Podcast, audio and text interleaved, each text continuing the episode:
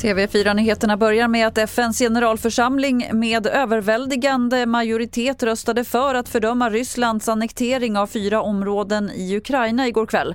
143 av 183 medlemsländer röstade för fördömandet. Thomas Kvarnkullen rapporterar från Washington. Ja, det är ju en eh, tydlig markering från världssamfundet om att det finns eh, starkt eh, stöd för Ukraina. Dock är en resolution i generalförsamlingen inte juridiskt bindande. Hade det varit ett beslut i säkerhetsrådet hade det varit annorlunda. Men där har Ryssland veto, vilket man också använde sig av när resolutionen var uppe där för några veckor sedan. Så till Göteborg. För sent igår kväll larmades räddningstjänsten och polisen till en brand i en lägenhet i stadsdelen Majorna.